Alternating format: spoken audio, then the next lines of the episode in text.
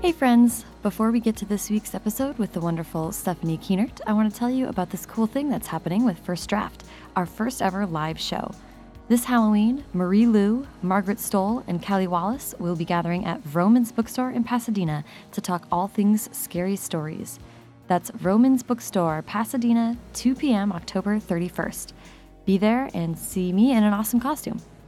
Local LA authors Elissa Sussman, Maurene Goo, and Kirsten Hubbard are helping make this a reality, and I couldn't be more excited. For updates on the live show, follow First Draft on Twitter, Instagram, Facebook, etc., and check out firstdraftlive.tumblr.com. All right, now on with the show.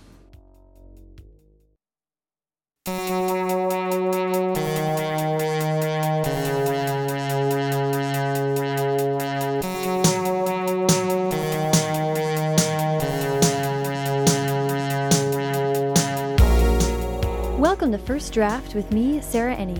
Today I'm talking to Stephanie Kuehnert, author of Ballads of Suburbia, I Want to Be Your Joey Ramone, and a forthcoming memoir about her teen years.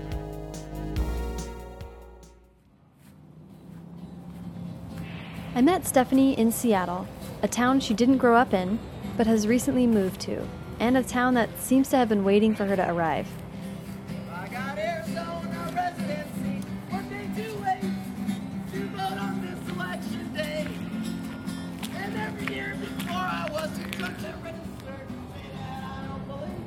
She grew up loving punk rock and feminist zines, and Stephanie's books are about the kind of alternative subculture that took the country by storm in the 90s, but had its roots in the Pacific Northwest. Stephanie has the vibe of all my favorite parts of Riot Grrl bright colors streaked through black hair, rad, funky glasses, and a no bullshit stare that demands both respect and empathy. More specifically, we are meeting at the Richard Hugo House, a converted craftsman with creaky wooden floors and disused balconies that now serves as a hub for the Seattle literary scene. Stephanie teaches and writes there, and it's the perfect place to break down where she came from and how she'll explore it in her forthcoming book in my new favorite genre, YA memoir. So, hi, how are you? I'm good. Good, it's so good to meet you. Yes, really good to meet you too. Yeah.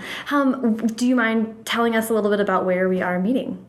Um, we are meeting at the Hugo House in Seattle, which is a com- community writing organization that's located in the Capitol Hill neighborhood. I, you know, I just found out about it. I only moved to Seattle about a year and a half ago, but I taught at a place called Story Studio in Chicago, which was sort of similar. Yeah. And so when I was asking around for like cool writing organizations, I found out about this one, and they have been incredible and been really into expanding of their their YA class offerings. So I've been teaching here, and I've just been you know coming to readings, and it's a great way to get involved in Seattle's amazing literary community. Yay! I'm going to start way back, which is where were you born and raised? I was born in St. Louis and I lived there until I was eight years old or about to turn eight years old. And then I moved to Oak Park, Illinois, which is a suburb of Chicago. Okay. And so that's where primarily that I grew up. Eight's kind of a tough age to switch schools. Yes. yes. And it was uh, it was a big transition in terms of uh, class.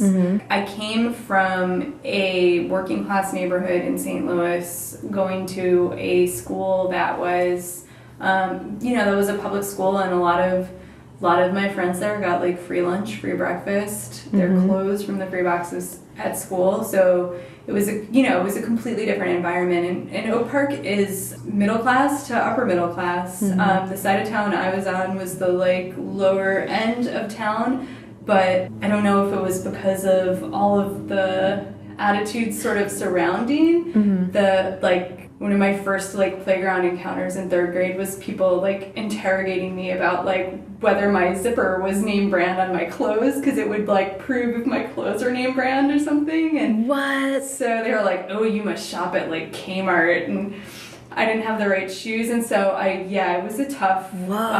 um, I did not fit in very very well I had periods where I tried Mm-hmm. um, but yeah, I felt out of place there Wow. pretty much my whole time there. Interesting. So, like through high school, like the whole time, you feel like? Yeah, yeah, pretty much. Um, I mean, I tried to kind of find my place in high school, and I did find some really great friends in high school, but I even felt out of place with like the outcast weirdo kids. Really? I don't know um, how much of it was just me and like taking Mm-hmm. in so much, you know, those feelings kind Mm-hmm. of building up from from grade school onward.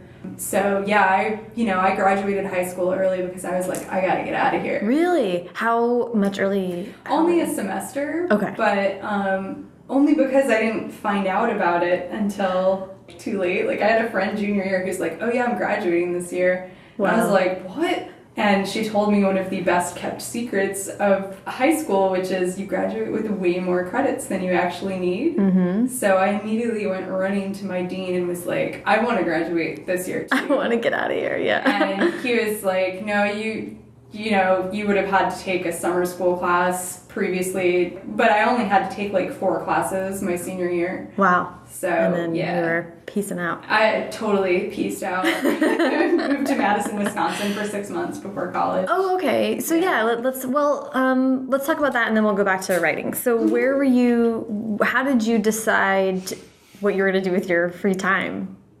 Oh, This like six, this the six weird sort of nine months before college was to Yeah, start. it ended up being kind of like six months because college started in in August and high school ended like awkwardly in the middle of January.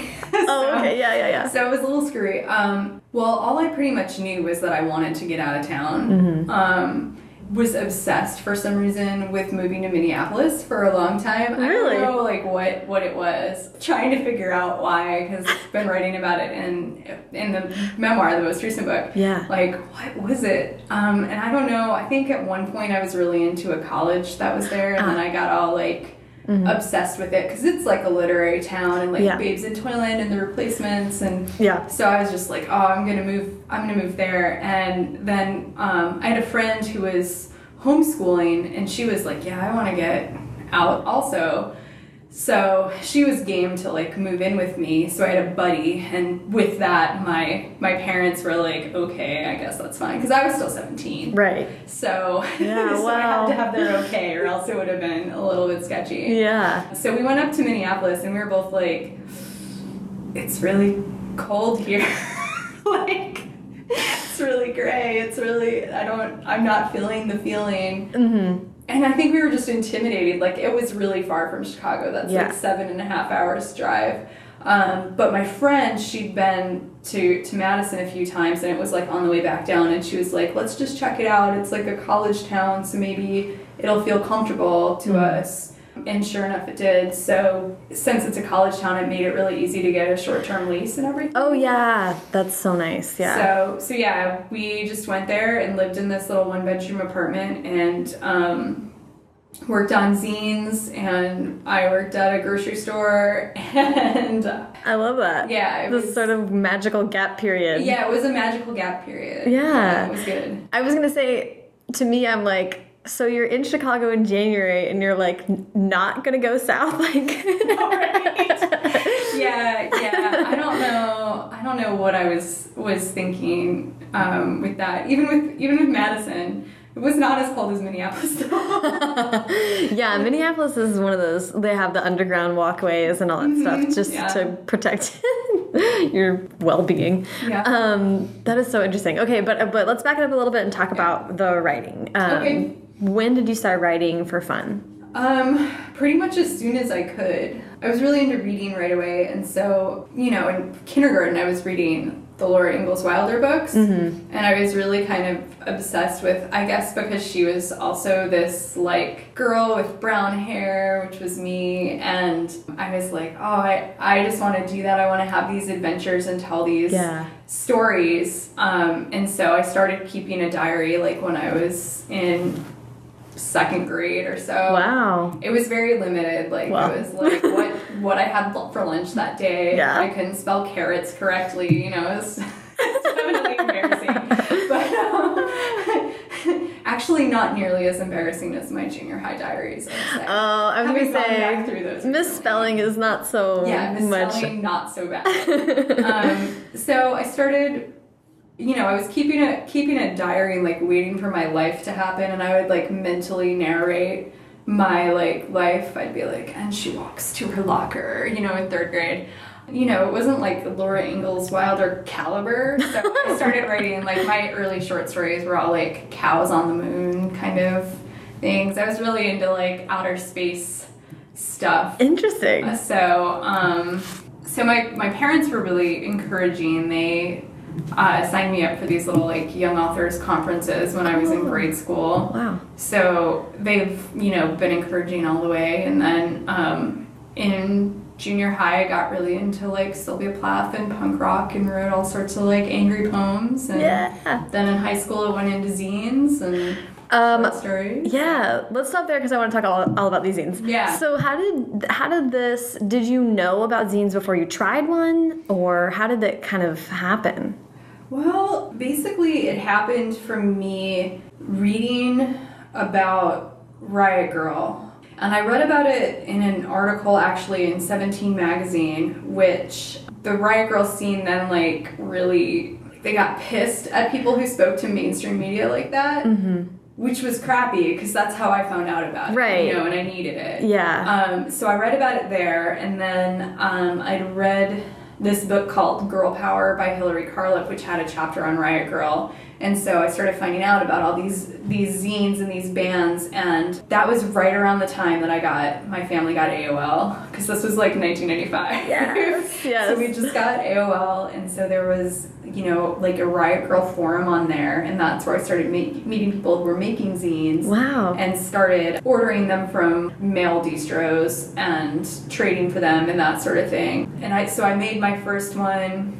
We started working on it. I worked on it with three of my best friends. We did a poetry like literary magazine called Crust because our high school's one was called Crest. So we were like yeah, you won't take our, our gritty work with the swear words and it's real, man. So we're gonna create our own. That's awesome. So we did one of those, and then we had our like we had four issues of our Riot Grrl zine, which was called Kill Supermodels, and we have this little disclaimer about how it wasn't obviously we did not mean to actually Right. kill supermodels, no violence against women, but um, we wanted to kill the idea of the like tall, skinny white girl aesthetic, basically. yeah. So we did those for most of my junior year of high school, and then I started writing these personal zines because kind of what got me into, even though I didn't really realize it at the beginning of it, the thing that attracted me to Riot Grrls, I'd just come out of this relationship at the end of my sophomore year of high school that was emotionally and sexually abusive. But like at the time that I first came out of it, I was just like my mind was totally fucked basically. So I did not know Right. Right. Right. Like- what had just happened to you? what had just happened to me, but I was feeling drawn to these things. And then as I like read more and more, and I was, you know, volunteering at a domestic violence agency, again, just drawn there, who knows why. And then when I did the training and they had like the power and control wheel mm-hmm. up, I was like, wait, some of this sounds, no, it couldn't be, really?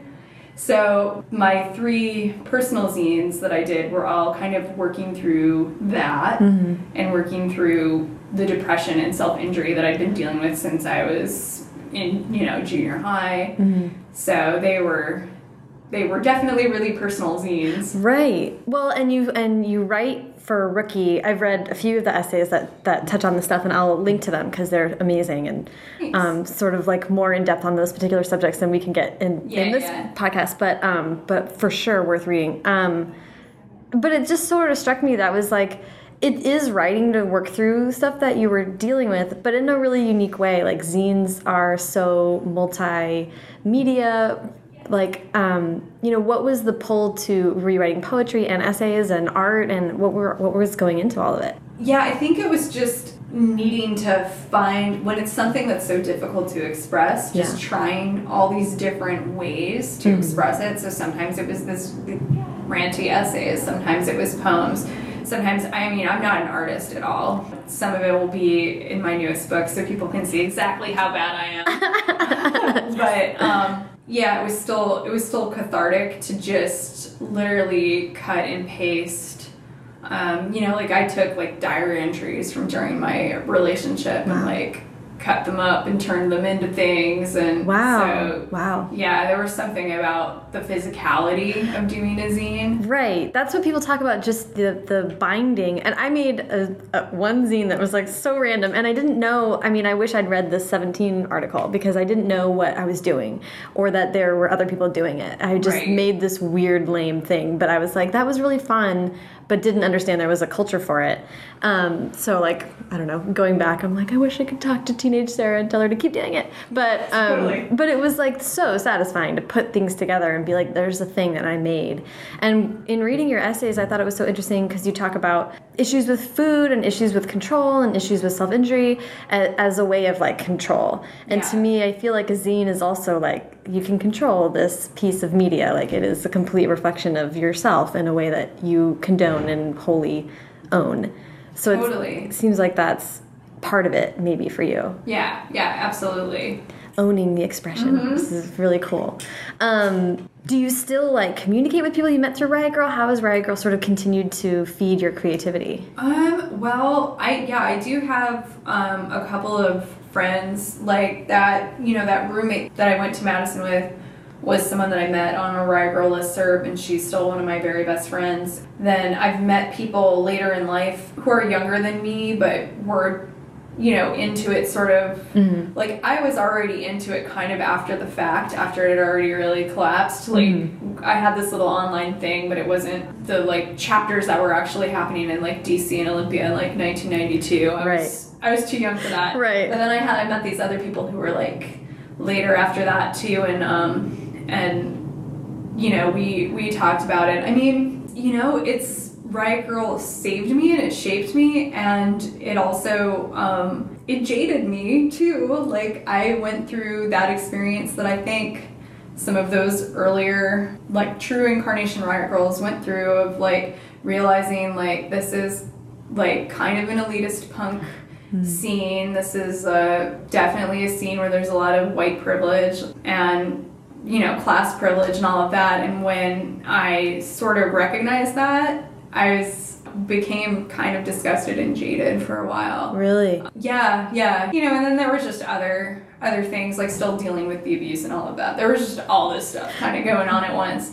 You know, music brought me back to it. There's certain bands that like kept I you know stayed attached to through it, like Sleater-Kinney had named the book after them.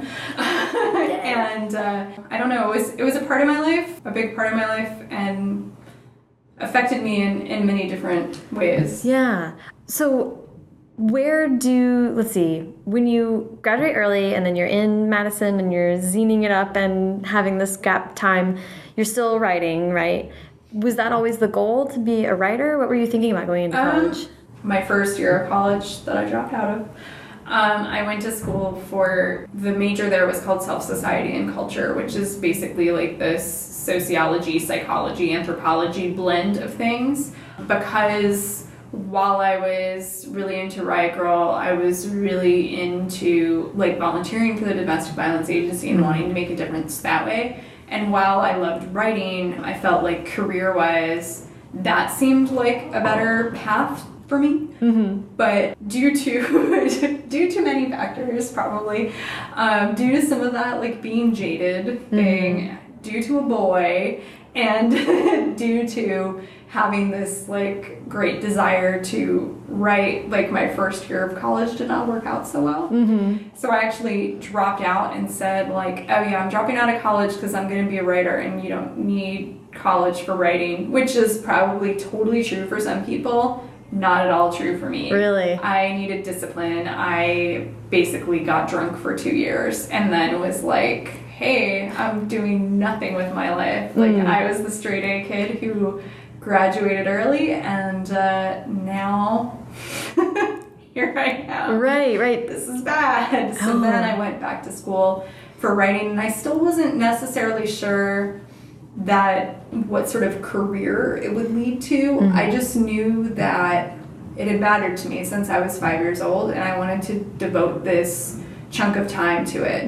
So I thought, I'll just get a BA in fiction writing, and um, it'll be a BA, so then I'll be able to do something with it. Right.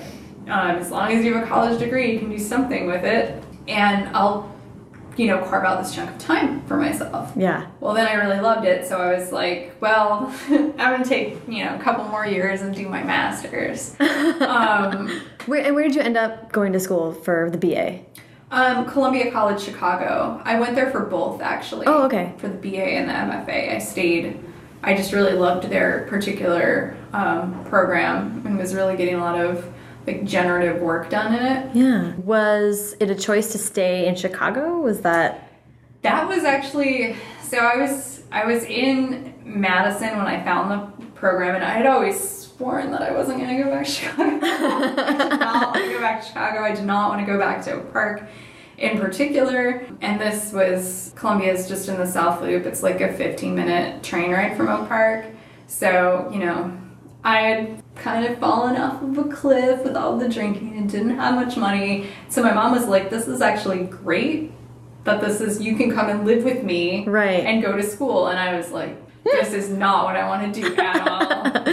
Um, but i really felt like i had no choice and the program really appealed to me. And my best friend was was like no you know you shouldn't let oak park stop you from a thing that you really want to do. Right, like i mean she still lived there i'm sure she wanted me to come back too Yeah, yeah. she was definitely fighting for it.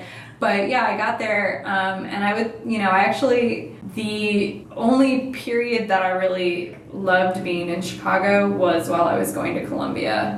Um, and I think it's just because the school sparked so much Yeah. in me. Sort of a, a two part question. First, I guess, is what you were writing, the fiction part of it, was it for teens? And did that change at all when you went to an actual program to study writing?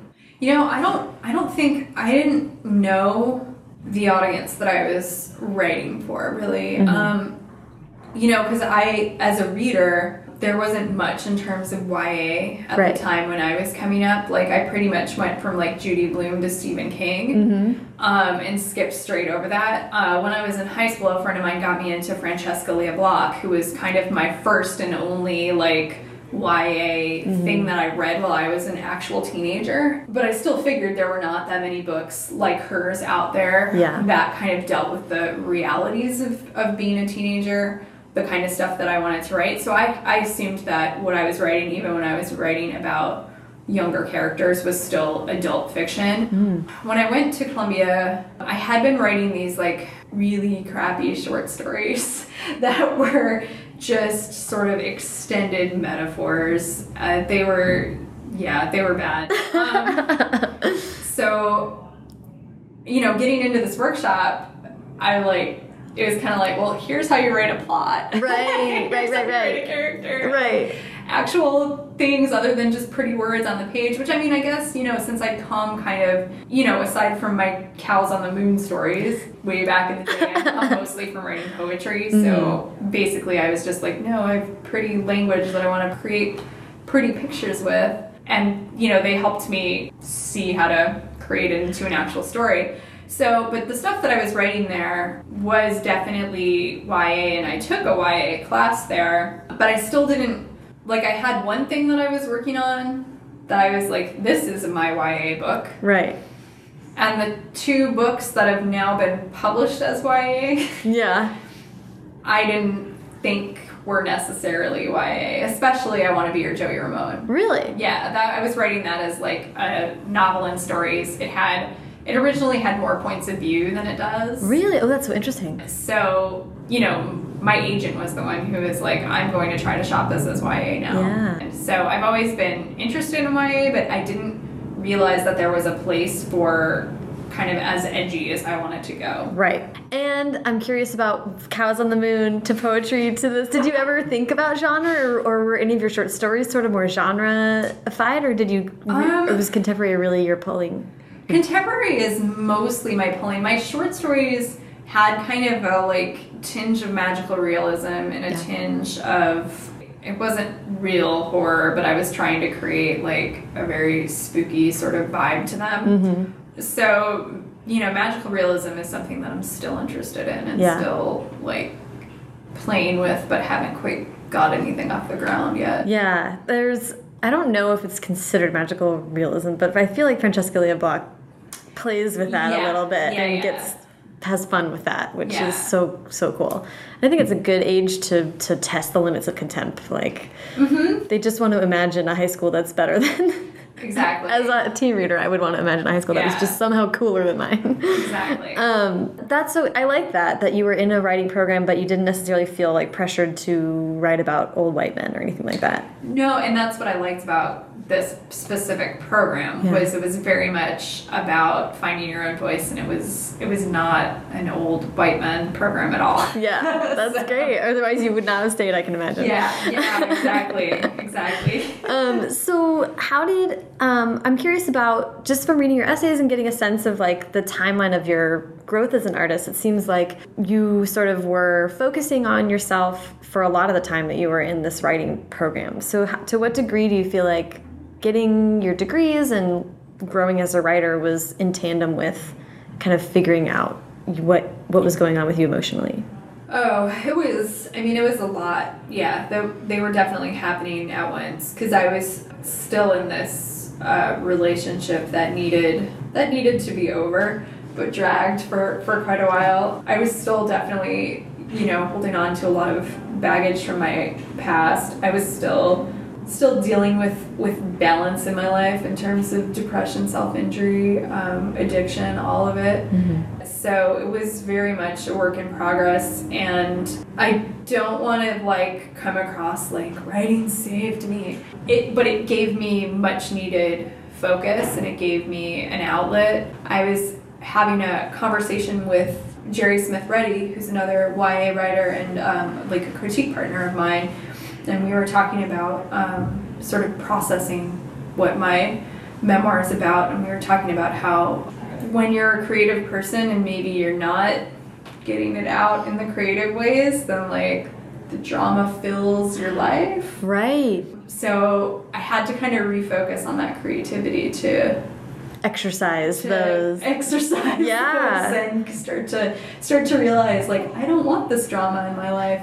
I want it in Emily and Louisa's lives. yes, yeah, yeah, yeah. I want to put my characters through the ringer and see how they deal with it. Yeah, Yeah. that's so. That's a really. Of course, that makes so much sense, but I hadn't like thought about it explicitly that way before. yeah. You had a quote in one of your essays, and again, I'll totally link to all these. But um, the pen is mightier than the pain, and and you, I think in the same essay, maybe talking about sh like how sharing your story, and talking about it, and writing it down, just over and over again, sort of made it become real. Like that, your life experience became more real through writing about it fictionally or or true in a true way. Yeah, I think um, I think particularly with with my abusive relationship, it's had to it's had to come out in um, sort of in different stages because you know there's always like when you're when you're a survivor there's always disbelief. There's always people who don't believe you. There's in my case there's your abuser who's just like well you're crazy you know? So um, writing about it having it come out through my fiction and then starting to come out through my essays through, for rookie and then sort of facing it head on Yeah. for for the memoir has been kind of a, a cycle that I think will finally I hope will finally be like and now it's done. Right, right, right. So- That's a beautiful way to sort of create closure for yourself. I think Yeah, that's yeah. amazing. And I just liked the I, what you were putting into words, which is sort of somehow for, for a lot of us, I think fiction makes the real world more real Mm-hmm. in odd ways. And it's even true for just sci-fi and things like that. Sci-fi Oh, yeah. has a way of mirroring back, making everything so cartoonish that you realize what's really true at the heart of it. I don't know. It's it was it struck me. I was just thinking about it like that makes so much sense to me Yeah. and is so such a powerful way to talk to yourself by Yeah. creating stories and then two years later being like, oh, I think I was talking about this thing I was going Right. through. right. um, so so I'd love to yeah hear about I Want to Be Your Joey Ramone and Ballads of Suburbia. How did they um, those two sort? wh- At what point did those ideas come to you? When were you working on them? What's like the timeline for those? Um, well, it's kind of funny because actually, Ballads of Suburbia came first, sort of. um, in that, so when I got back to Columbia, I think because I was back in Oak Park and had some major events to work through there. Right. I wrote in like nine months, like the first school year, I wrote this draft of a book that I called at the time the morning after. It had it had Kara and Christian, had all those characters in it, but they were it was just thinly veiled autobiography, Right. Really, Right. and it didn't have it was missing something major that would take it to that next level so i played with it for a little while longer trying to figure it out try to do a second draft and then i just you know put it in a drawer i think quite literally That's great. yeah, like i had like the printout and i was just like okay this is I, you know this needs something Yeah. um, and then meanwhile i'd been writing um, i'd been writing short stories and so i'd written a short story um, about louisa and i'd written a short story about emily and you know they just were kind of what they were and i was in a summer school class because i was trying to finish my my degree quickly since i dropped out and came back oh, okay. So the BA you were trying yeah, to make BA it. I was trying to finish quickly. Um, so I was in a summer school class with a friend of mine who'd read one of my Emily stories, which was actually she was more of a version of me doing crazy things that I'd done at my first college. So yeah, it was Emily in college, which was which was funny because she doesn't end up going to college. Interesting. And I always had this. I had always had that story, and so I struggled at the very end of that book because I was like, "Well, but she needs to go to college now." And then I'm like, Right. "She's not gonna go to college. She's in a punk band. She's not going to college. That's not the plan, yeah. But anyway, I'd written that one story.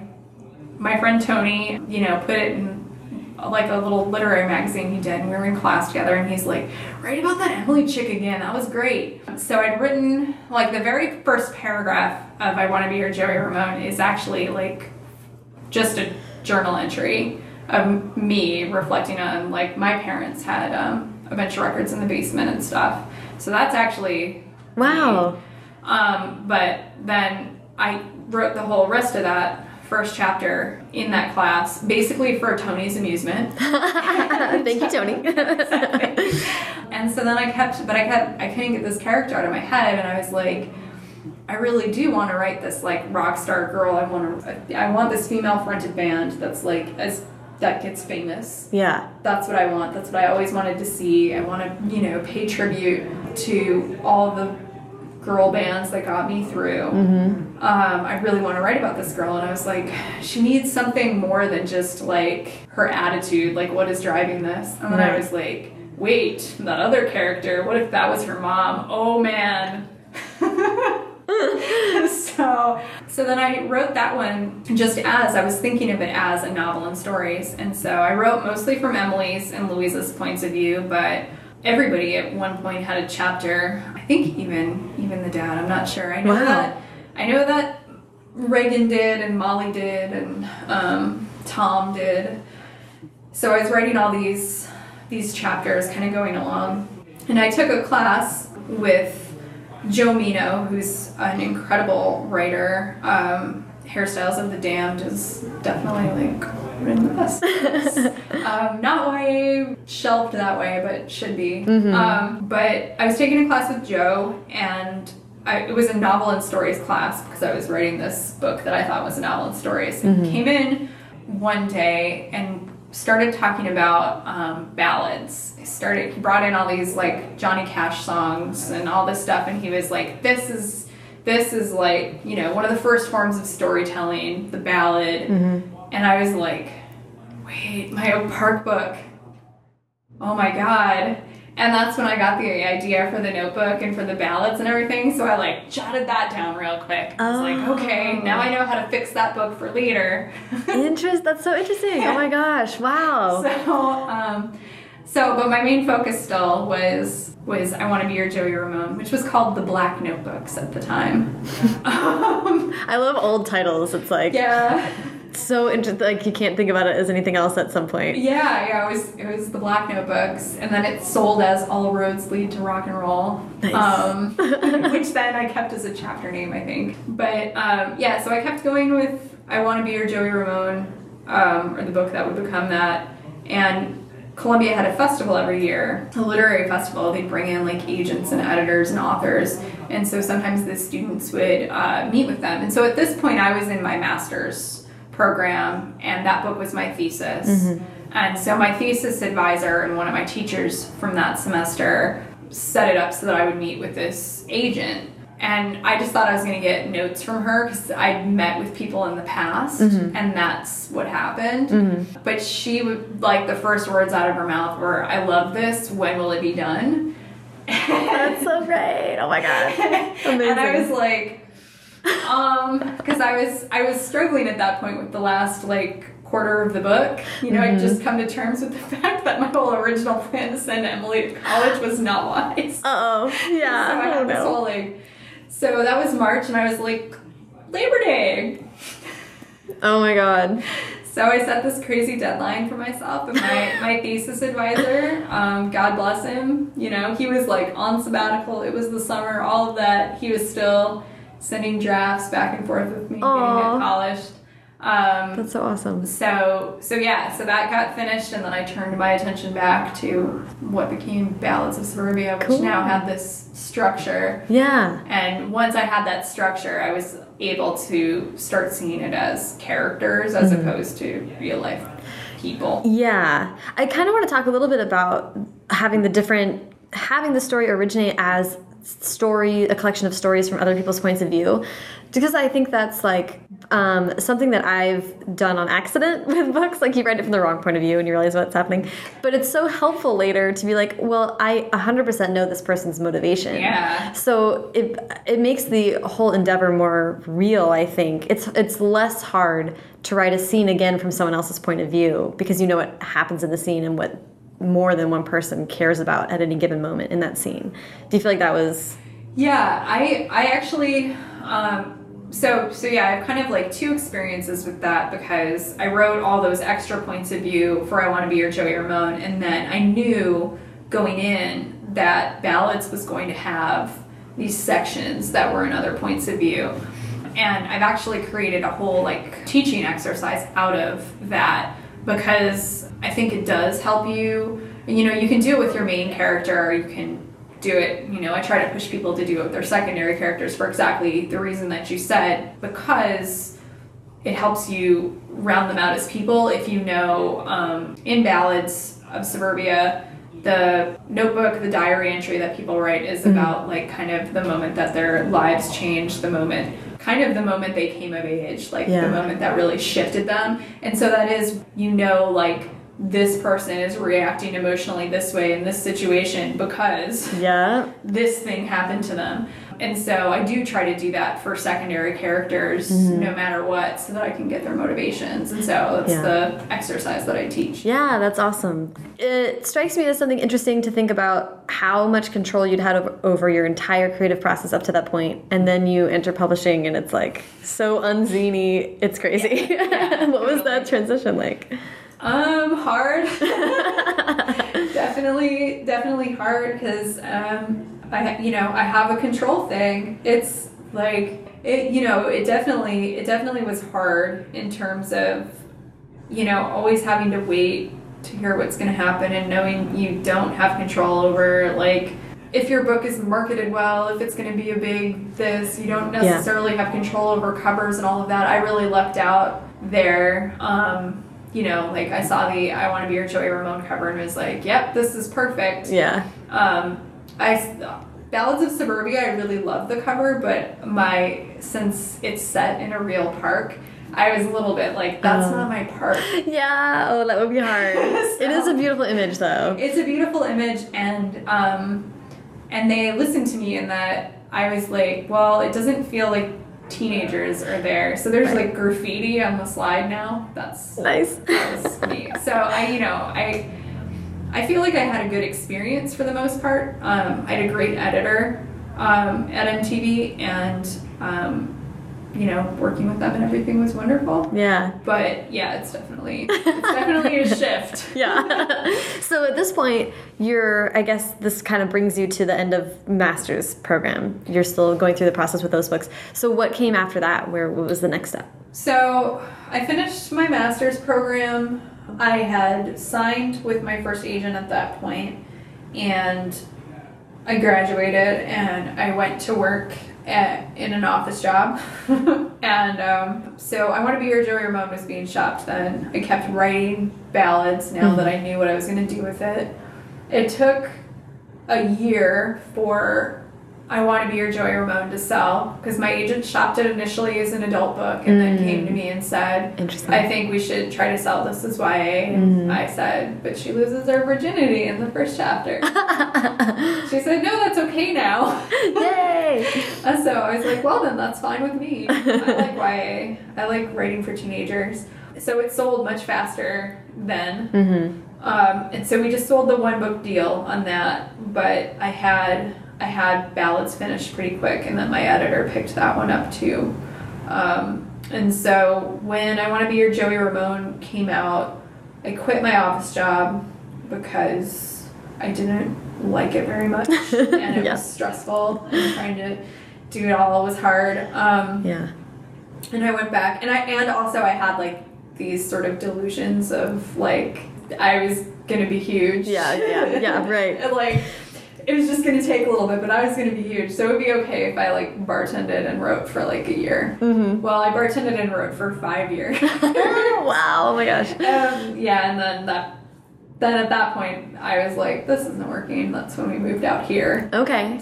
Yeah. you know, I wrote a full adult book, a full YA, a couple of partials, um, none of which sold.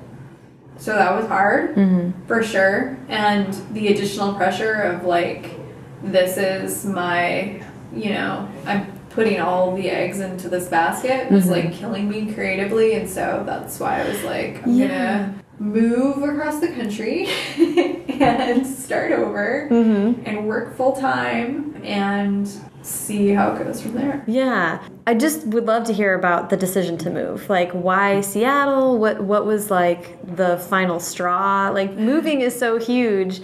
I love it as a form of catharsis, just to burn it all down and start over. Like I've done that. I've moved around a bunch of my life, so but it's a really it's not an easy choice to make.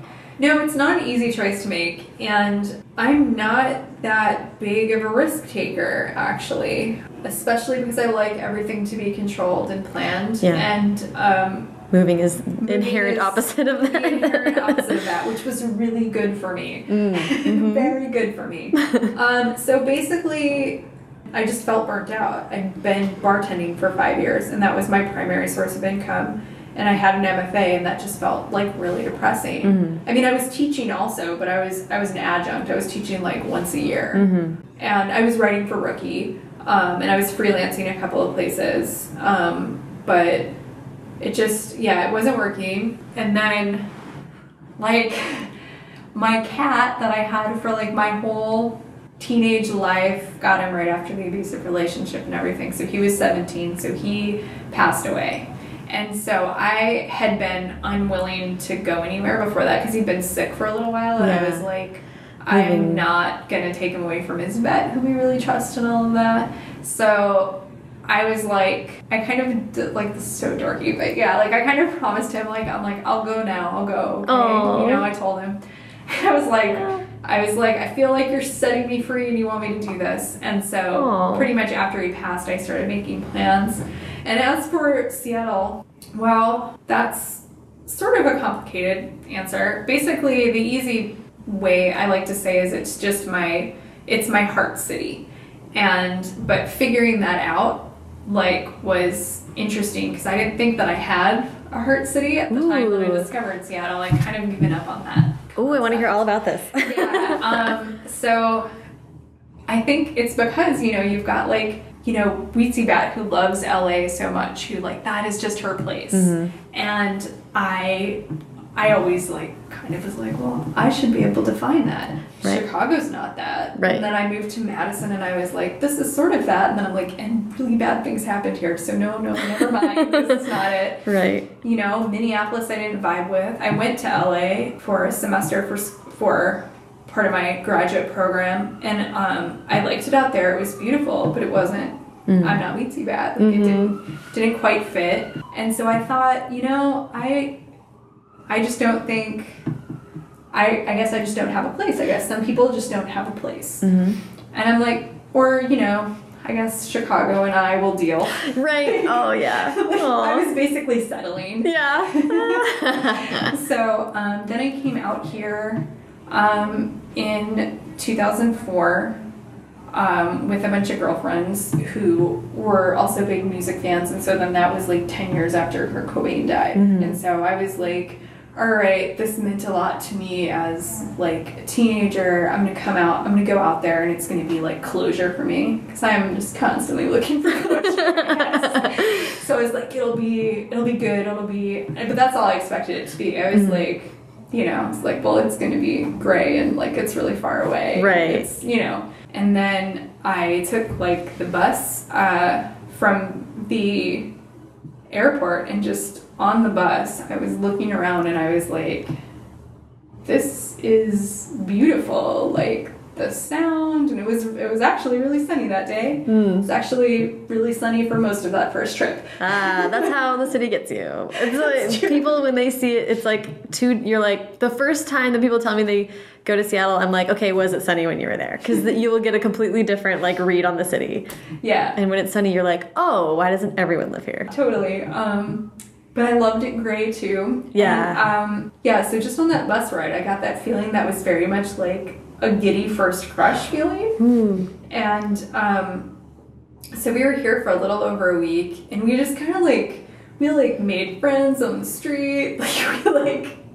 Yeah, we just it was just such an experience that I'd not had anyplace else that I was like I cried when I went home. Oh, wow. And then I got home and bought a townhouse in Chicago because Ah. of the bad relationship and all that other jazz. Mm-hmm. So that was a bad mistake. But I came out here every year religiously with this one friend just because like it was our it was our spot. And Mhm. so eventually I was like that is why you know I had all these reasons you know and like there I was depressed about it because I thought like I'd given everything up for I'd given everything up for my writing including that. Like Mhm. I was like I don't you know, I'll never have the money to make this work. I can't take this risk. Um, I still have this house. I still have that house. I still have to sell that house. That's like the last. oh God, last yeah. Thing tying me. And then I just decided like I'm not willing to do that. Mhm. And also we had two really crappy winters in Chicago, and I was like, I'm so over this. Oh my God, yeah. Oh, I can relate to that. Last last winter in DC, I was like, hmm.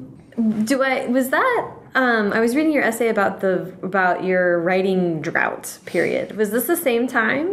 Yeah, that was uh, yeah, that was the same time ish. That was like 2011, 2012 uh, was a really hard time for me creatively, and like the cat was sick. Yeah. and the basement of the house kept flooding. It was just like one of those. Yeah. like, I mean, it sounds like you were kind of pissed at your muse. Like, I'm giving you everything yeah, yeah, totally. Yeah. totally. and not not getting wet. Not getting what I wanted Yeah. out of it. Um, So that's a- I mean, the books that I wrote, I'm, I'm proud of. Maybe something will happen with them someday. Mm-hmm. See.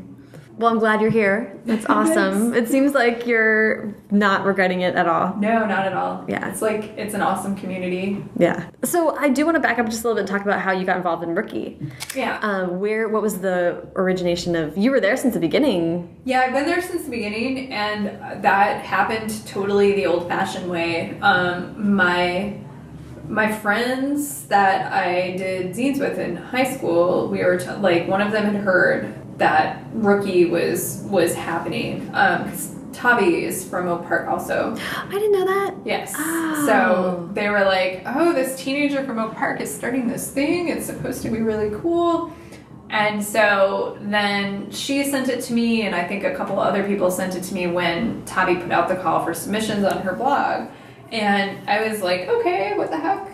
So yeah, I the totally the old fashioned way, slush pile. cool. Me Wow. and like five thousand other people or whatever it was. And it was just personal essay stuff Yeah, she was I for. sent her. I sent her. Um, I think like a link to a blog post and a link to an essay, and told her about my books, and you know, and then she wrote me back and said she wanted me to be a part of it, and since we both lived in the same area, we you know met up for coffee and talked about about things, and so I've been doing the essays for them ever since. That's so cool. Yeah. Did you have any sense that I mean she was already sort of a phenom by the time that was getting going, but did you have a sense that it would become this like sort of Um, phenomenon? I hoped that. I mean, Yeah. like this. You know, I was I was just seeing a couple days ago, basically like seeing. You know, I want to be your Joey Ramone on the shelf was like the girl who loved Laura Ingalls Wilder's dream, like me at 6 Mm-hmm. This is the dream come true of me at sixteen. Like I really just wanted to work for something like Sassy, and so Mm-hmm. this was like a new, even cooler incarnation of Sassy. Yeah. And yeah, I pinch myself every day that I get to be a part of it because all of these girls, many, many, most of them who are younger than me, are just like sheer brilliance. They're and, so cool. Yeah. Yeah, and yeah, I mean, like, I got a sense of it right away just from my first meeting with Tavi, just because her, what she was laying out was just so incredible. Yeah. Um, She's like a force of nature. she, yeah, she really is. She's just got, she's one of the smartest people I've ever worked for, definitely. Wow. I, I, I'm very, I am at a loss even talking about her. Yeah, that's so great. I mean, it's just the coolest, and like to be able to get published in this sort of different way, Mm-hmm. um, essays and all that, and that's like, uh, and knowing that that website means so much to girls that are 16 Yeah. now, like Yeah, that they have this outlet and it's more mainstream and accepted, and people are looking up to it. Yeah, definitely. And it was, I mean, it was my life raft basically through the The bartending, the bartending and the, and the books that were not that were not mm-hmm. selling and all of that. I was, you know, finding my kind of finding my voice and finding where I felt like I belong, and so that's what then gave me the sort of the strength to take the leap to to decide to pitch a memoir. Ah, yes, this is the transition I was going for. Um, yes. So you're writing for Rookie and you're getting the chance to write all these amazing essays, which are all available online. and we will link to them. And then you have this sort of weird creative block with fiction. I mean, was it. Am I painting the correct picture? Was it all sort of boiling into looking towards memoir and writing that? Well, of um, thing? yeah, kind of. I mean, I was still really, I was still writing fiction, even though I was blocked. Like I said, I still Hmm. had those projects that were done and that were, but they just weren't, they weren't selling. They just weren't hitting for whatever reason. I kicked around the memoir idea back when I was like an undergrad, but I was like, I'm still too close to this. I'm Hmm. still too young or whatever. So, though I don't think you really can be too young. I think that's a very, I think that's a very gendered thing. Yeah. Oh I was talking about that with a friend. Like with women, they'll be like, "Oh no, you need to be a 80 year old woman to be able to reflect on your life properly." But with men, Yeah. anyway, yeah. yeah. So I'd had the idea for quite some time, but had always been kind of intimidated by it. Mm-hmm. Um, however, seeing what was happening with Rookie and my pieces on Rookie gave me some faith that I could do it Yeah. um, you know, I really wanted to do it zine style. I really wanted to work with a rookie illustrator on it. Um, and, you know, so I ran it by my agent and said, you know, can we try to do a proposal on this? And so that was, um, that book sold in a week and a half after five, five years. of Wow. drought. And my first book took a year to sell. So, yeah. Wow. That's amazing. It was, crazy. And what was the was the concept to include things you've previously written for Rookie, or were, are you going to take original? Yeah, I mean, well, the concept initially was that it was going to be more essay um, style, and that yeah, I did my in- initial idea was that I would just take some things from Rookie and write some new things, and that would be it. And then right off the bat, after I started working on it, after it sold, and then talked to my editor, unfortunately, we are exactly on the same page about this. We're like, no, it kind of needs to, doesn't necessarily have to be completely chronological, although I think it mostly is at this point. We'll see how it changes. Um, but it needs to have more of a, a flow to it. So it's got things, so it, while it will have things from Rookie, those things will be edited, they'll have things added to them. Yeah. There will be stuff where it's like, this is a paragraph that was in Rookie and now is a whole thing, Mm-hmm. you know? So it's kind of become its own, Yeah, that's so awesome. How what was the what is involved with like the illustrators you're talking about, or how is music involved? What are the different mediums that you work with? Um, well, I don't entirely know how it's all going to be yet. Right now, my general ideas are um, I've got I'm scanning things like pages from my zines, like my old poems, like mixtape inserts, um, and then right now I'm working with I'll be working with one illustrator, um, Susie X, who illustrates for Rookie. Awesome. She'll be like collaging stuff for me, I think, and then she'll be, um, I hope, doing some like comic style illustrations for some of them. So That's it'll be awesome. drawings and collages. That's my vision for it right now, but that's just me, and I'm not the artist. Right, so right. The actual artist could change that completely. My editor could change that completely. I Mm-hmm. don't know. but you and your editor is Julie Strauss-Gabel, Mm-hmm. um, and she you said she's sort of on the same page with what the vision for it is Yeah, a little yeah. bit, the, Yeah. the like tone and stuff like that. That is just so cool. Like when the when your deal was announced or whatever, I was reading the description and was like, oh my, holy shit, this is like so awesome. Yeah. because I think YA memoir is amazing, and I want there to be more of it. Mm-hmm. And like in particular, this brand of memoir, I'm like, yeah, I'm here for this all day. Like, Yeah, it's, totally, It's really cool. I'm so so excited. So let's talk about teaching because you've been. It sounds like you've been doing that sort of since you got out of your master's program. uh, part of my master's program was some teaching stuff, which I taught like I taught creative writing in like fifth and sixth grade, which was not really my thing. and then I taught. Um, I did some tutoring of college students, and then yeah, after I published, um, I went back to.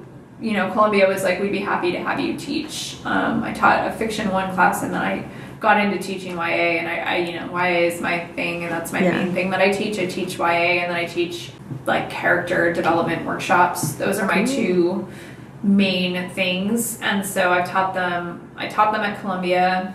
Um, I will be teaching at Seattle University next fall. Um, but for the most part, other than that, I've taught at like organizations like Hugo House, um, community organizations, which I really love because the people who are, you know, shelling out the extra money to, you, they are very serious writers. Yeah. very serious writer. That's how I like. I decided I wanted to write a book, and then I went to a Starbucks one weekend, and I was like, I need help. Yeah. and I went to this amazing place in. Um, now I'm gonna blank on the name of it, but it was in Bethesda, Maryland, and it was just like people who worked full time day jobs, starting at 7 p.m., spending hun- hundreds of dollars to have the chance to like write with other people, Yeah. and give up their hot meals and their time with family to Mm-hmm. pursue it. It was a really like powerful thing to see a room full of that. And, and people saying I need to learn Yeah. you know yeah, it's pretty cool so how do you um ya it's like ya the class where do you start in looking to teach that Well, um, the class I'm teaching here at Hugo House right now is perfect because it's a year long class. that's amazing And that is the nice flexibility that I get at a place like this that I don't get at um, at a college or university. And so when I was teaching at college or university, I would basically we would spend a few weeks like reading and reading some from each genre, um, and people would be brainstorming and getting ideas, and then um, I would have them start on a novel, like the first forty pages you know, we would go through different things, character and plot, and so on and so forth. Um, but it was very, very rushed. This class now, what I've been able to do was I stretched that stuff over the course of 11 weeks, um, where we were reading, and not just. I used to split it up by genre. This time I split it up by like, let's read these books where the focus on character is really strong. Let's read these Oh, books where the focus on point of view is really strong. Mm-hmm. Let's look at structure in these. So we did that, and then of course there would be multiple genres within each of those things. Mm-hmm. And then um, as this was developing, um, the students are starting to come up with their own uh, ideas and start to work on that. And now for the rest of the year, we'll be doing like large group workshops where they'll be, you know, submitting 10 pages and we'll be critiquing and it'll help them, you know, the, the goal is to finish a book. yeah so that's the great thing about one year you can like reasonably say Yes.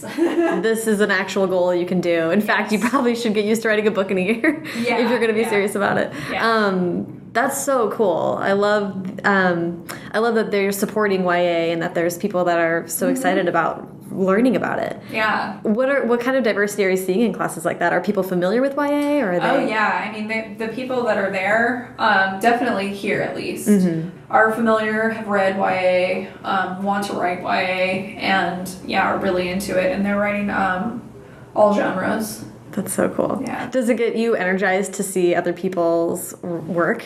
Yeah, Yeah. yeah, for sure. It take I can imagine it takes a lot of time. It does, um, but I don't know. I feel like it's really important as a writer to to give back in as many ways as as possible. Um, to share the knowledge, to share the resources, um, and all of that. So I feel like it's a very important part of of my life. I mean, it's a lot to juggle, like a full time job and writing and teaching. And teaching. But but I love it. and I don't want to give up any of it. I feel that I'm like I have a full time job and then I'm doing the podcast and then writing and it's just like uh, Yeah, yeah. jelly brain a lot of the time. But Yeah, but it's so great though. Like all those all the outlets help each other. So. Mm-hmm. Um, I would love to ask for writing advice. I know you teach all the time, but if, if people when people ask you for writing advice, what's like some of the major things that you have to say? For me, I always start with the basics, and so number one is like butt in chair and get it done. Find whatever you need to find to get it done. Um, and for me, it's switched over the years. You know, different you know different times of day. I get up at five thirty in the morning to write now. Yeah. You know, that's kind of what I have to do with writing, uh, with working full time and writing. Um, but I used to be a night owl, so Really? whenever you can, yeah. That's so well, I was a bartender, so Oh, that will do it. That'll do it. yeah. So yeah, writing. Find that time to get your butt in the chair, um, and writing what you're passionate about, as opposed to say trying to write to market or getting too obsessed with industry. I think it's important to keep. Obviously, it's very important to keep uh, toe in those waters so you know what's going on. Yeah. But there's so many people that I know that become obsessed with this and wanting to just really, you know, it, it happens because you're daydreaming about what's next. But you can't get there if you don't actually, you know, put the work in. Um, and I think the best way to really stay familiar with YA or whatever genre you're writing is really to just keep reading. So that's your best teacher. Yeah. Um, so I mean that those are my two like most crucial pieces of advice. Read a ton, write a ton. Mm-hmm, That's how you'll get it done. God, verbal writing. That's like my eighth grade poetry. I love it. So yeah, those are those are my like basics, and then you know my other big thing, like I said about about character, sort of that exercise to get to know your secondary characters by really Yeah. figuring out what the moment is that like made them into the person that they are. I think can be really That's su- that is such a cool exercise. Like yeah. I, I always find that in the second draft, I'm like, okay, who the hell are these people?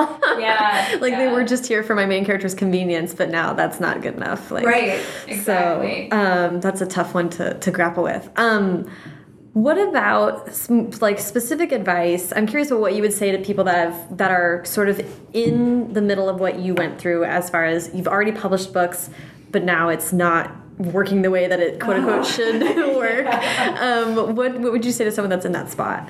Well, um, I would say, first of all, if you're putting yourself in a position where um, you have to create in order to live, in order to, you know, make X, Y, and Z happen, so on and so forth, if you can get yourself out of that, that's really helpful because that, that is totally what killed my creativity was that uh, pressure. Um, and then number two, really sort of reset yourself with figuring out what your your deepest passions were. And so mine that's why rookie really helped me out. Like going back to why writing at the core mattered to me Yeah. was being this teenage girl who really needed a voice.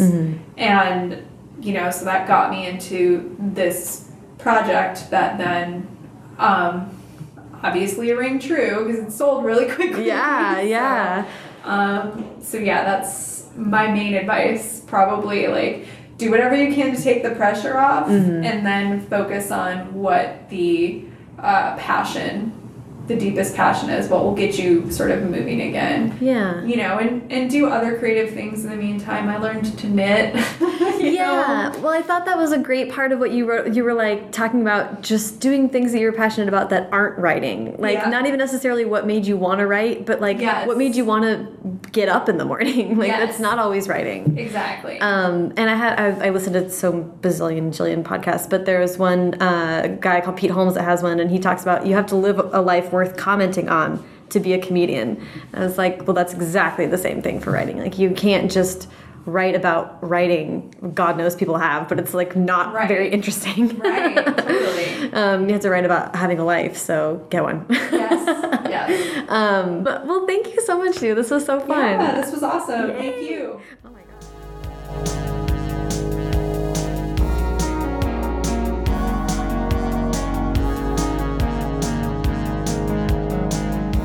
Thank you so much to Stephanie. Follow her on Twitter at writer Stephanie, and follow the show at First Draft Pod and me at Sarah Enni. You can follow the show on Instagram for pictures of my cat, and Facebook for a break from all those other horrible updates from your high school frenemies.